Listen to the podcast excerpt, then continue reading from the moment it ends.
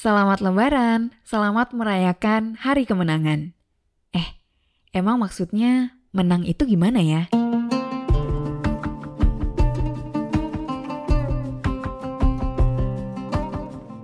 Assalamualaikum, hai, aku Lavina.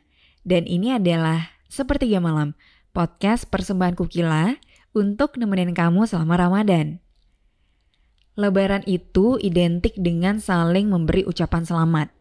Biasanya, orang-orang selalu bilang, selamat kembali ke Fitri, atau selamat merayakan kemenangan. Kembali ke Fitri itu artinya kembali suci. Emangnya apa sebelumnya kita nggak suci?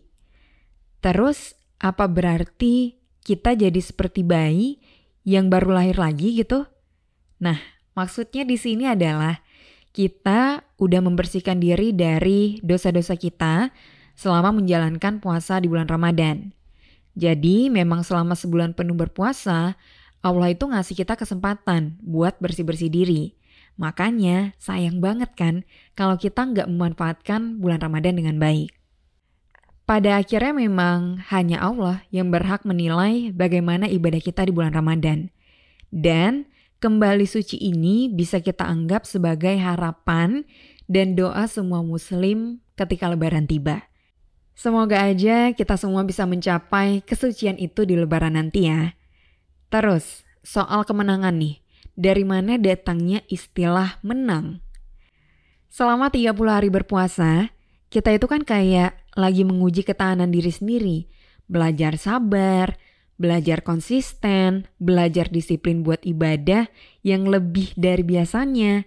Jadi ibaratnya tuh kita lagi berperang melawan kemalasan yang ada di diri kita. Nah, kalau kita berhasil melalui bulan Ramadan dengan baik, itu sama aja dengan kita berhasil mengikuti kompetisi puasa dan berhasil menahan hawa nafsu juga melawan kemalasan yang ada di diri kita. Maka dari itu, ketika lebaran kita disebut sebagai pemenang yang lagi merayakan hari kemenangan. Tapi lagi-lagi, menang atau enggaknya kita tergantung ke diri kita masing-masing. Cuma kita dan Allah yang tahu gimana performa kita selama puasa. Syukur alhamdulillah kalau kita betul-betul menang pada akhirnya. Masih ada waktu untuk menyempurnakan ibadah kita di bulan Ramadan ini, supaya kita betul-betul kembali suci dan menjadi pemenang nantinya. Jadi, jangan berputus asa. Allah Maha mengetahui segala niat dan upaya kita. Kalau dipikir-pikir lagi, kadang puasa itu sebetulnya kayak nggak masuk akal ya. Bisa-bisanya nih kita nggak makan dan minum selama 13 jam, dan itu kita lakuin setiap hari selama sebulan. Padahal, kalau secara teori, tubuh kita perlu banyak asupan yang harus dikonsumsi secara bertahap setiap hari. Mulai dari karbohidrat, protein, air, vitamin, sampai lemak. Tapi ternyata, cuma dengan makan ketika sahur, tubuh kita bisa kuat jalanin hari dari pagi sampai menjelang buka puasa buat pergi kerja, sekolah, kuliah, macet-macetan di jalan, konsentrasi belajar, ngurusin kerjaan yang numpuk di kantor, bahkan beberapa orang juga masih rutin olahraga sore-sore sebelum buka puasa. Hebat ya ternyata tubuh kita ini. Lewat puasa, kita jadi membuktikan sendiri kebesaran Allah betapa Allah itu Tuhan yang maha memampukan hamba-hambanya. Ketika kita udah niat dengan tulus, maka apa pun bisa terjadi.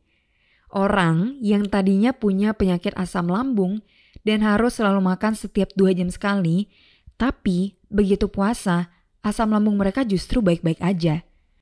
Orang yang hobinya makan terus, tapi begitu puasa, ternyata dia bisa untuk nahan diri nggak makan sampai waktunya berbuka. Begitu kita punya niat yang tulus dibarengnya dengan usaha penuh, ternyata kita bisa kok melakukan hal-hal yang awalnya kita anggap mustahil. Dari sini aku pribadi jadi makin ngerti kenapa lebaran disebut sebagai hari kemenangan. Ternyata ada banyak banget hal yang diuji selama bulan puasa. Kira-kira kalau kamu sendiri gimana? Kamu yakin atau enggak nih? Kalau lebaran nanti kamu akan kembali suci dan berhasil menjadi pemenang. Semoga ya, kita beneran jadi pribadi yang lebih baik setelah Ramadan.